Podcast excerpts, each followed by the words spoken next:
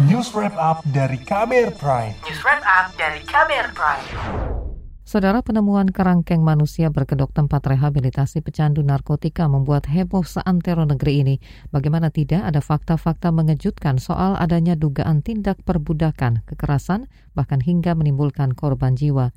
Lantas seperti apa penanganan kasus kerangkeng manusia milik Bupati Nonaktif Langkat terbit rencana perangin angin? Berikut kita simak laporan khas KBR yang disusun Reski Novianto.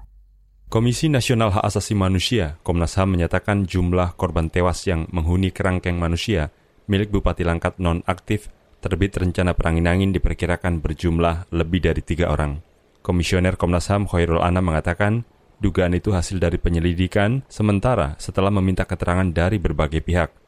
Menurutnya, kejadian ini sangat mengejutkan banyak pihak dan pertama kali terjadi di Indonesia. Bahwa beberapa keterangan saksi itu memang terlihat apa memberikan keterangan terjadi tindak kekerasan. Ya dalam upaya apa namanya proses tersebut ada tindak kekerasan. Bahkan ada yang juga kami temukan dengan informasi yang uh, solid gitu ya ada tindak kekerasan yang sampai menghilangkan nyawa dan korban yang menghilangkan nyawa ini lebih dari uh, satu Ana menjelaskan bentuk kekerasan yang dilakukan diduga menggunakan tangan atau alat, sementara terduga pelaku adalah penghuni dan orang di luar penghuni.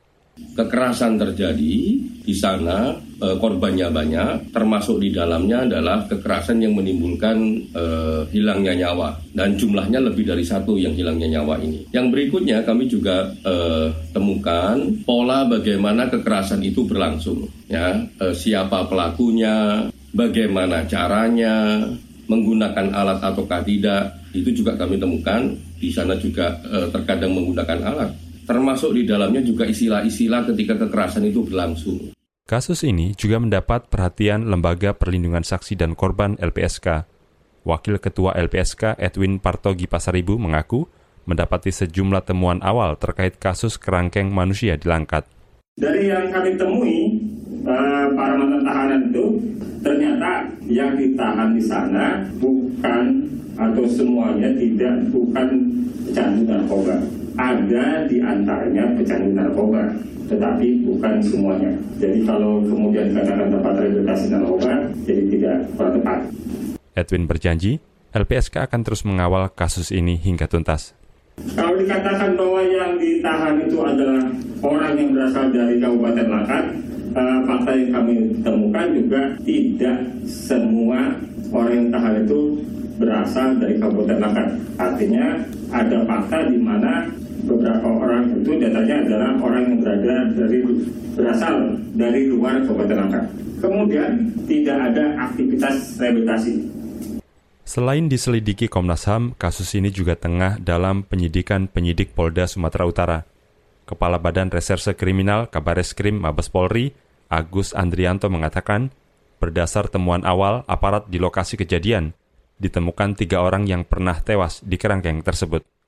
Tadi laporan ada tiga kalau nggak salah, ada tiga kasus, ada yang kejadian tahun 2015, kejadian yang tahun 2021, Eh, namun pada prinsipnya kita diorangkan kepada para penyidik untuk mengusut tuntas semua kejadian itu. Ya kira-kira nanti dari proses penyidikan lah ya, nanti akan diungkap. Agus memastikan perkara ini akan segera ditingkatkan statusnya dari penyelidikan ke tahap penyidikan. Artinya, kepolisian bakal mengumumkan tersangka dalam kasus kerangkeng di Langkat.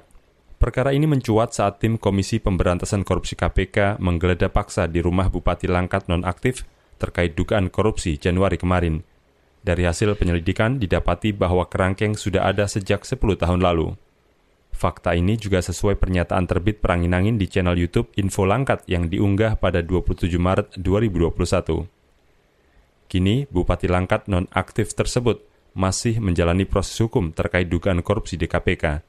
Karena itu, pemeriksaan terhadap terbit dalam perkara kerangkeng dilakukan Komnas HAM di Gedung Merah Putih KPK Jakarta. Terbit mengklaim kerangkeng tersebut digunakan sebagai panti rehabilitasi narkoba yang telah melakukan pembinaan kepada ribuan orang. Namun, Badan Narkotika Nasional (BNN) menyebut tempat tersebut tidak memenuhi syarat sebagai tempat rehabilitasi. Demikian laporan khas KBR yang disusun Reski Novianto. Saya, Sindu Darmawan. Kamu baru saja mendengarkan news wrap up dari KBR Prime. Dengarkan terus kbrprime.id, podcast for curious minds.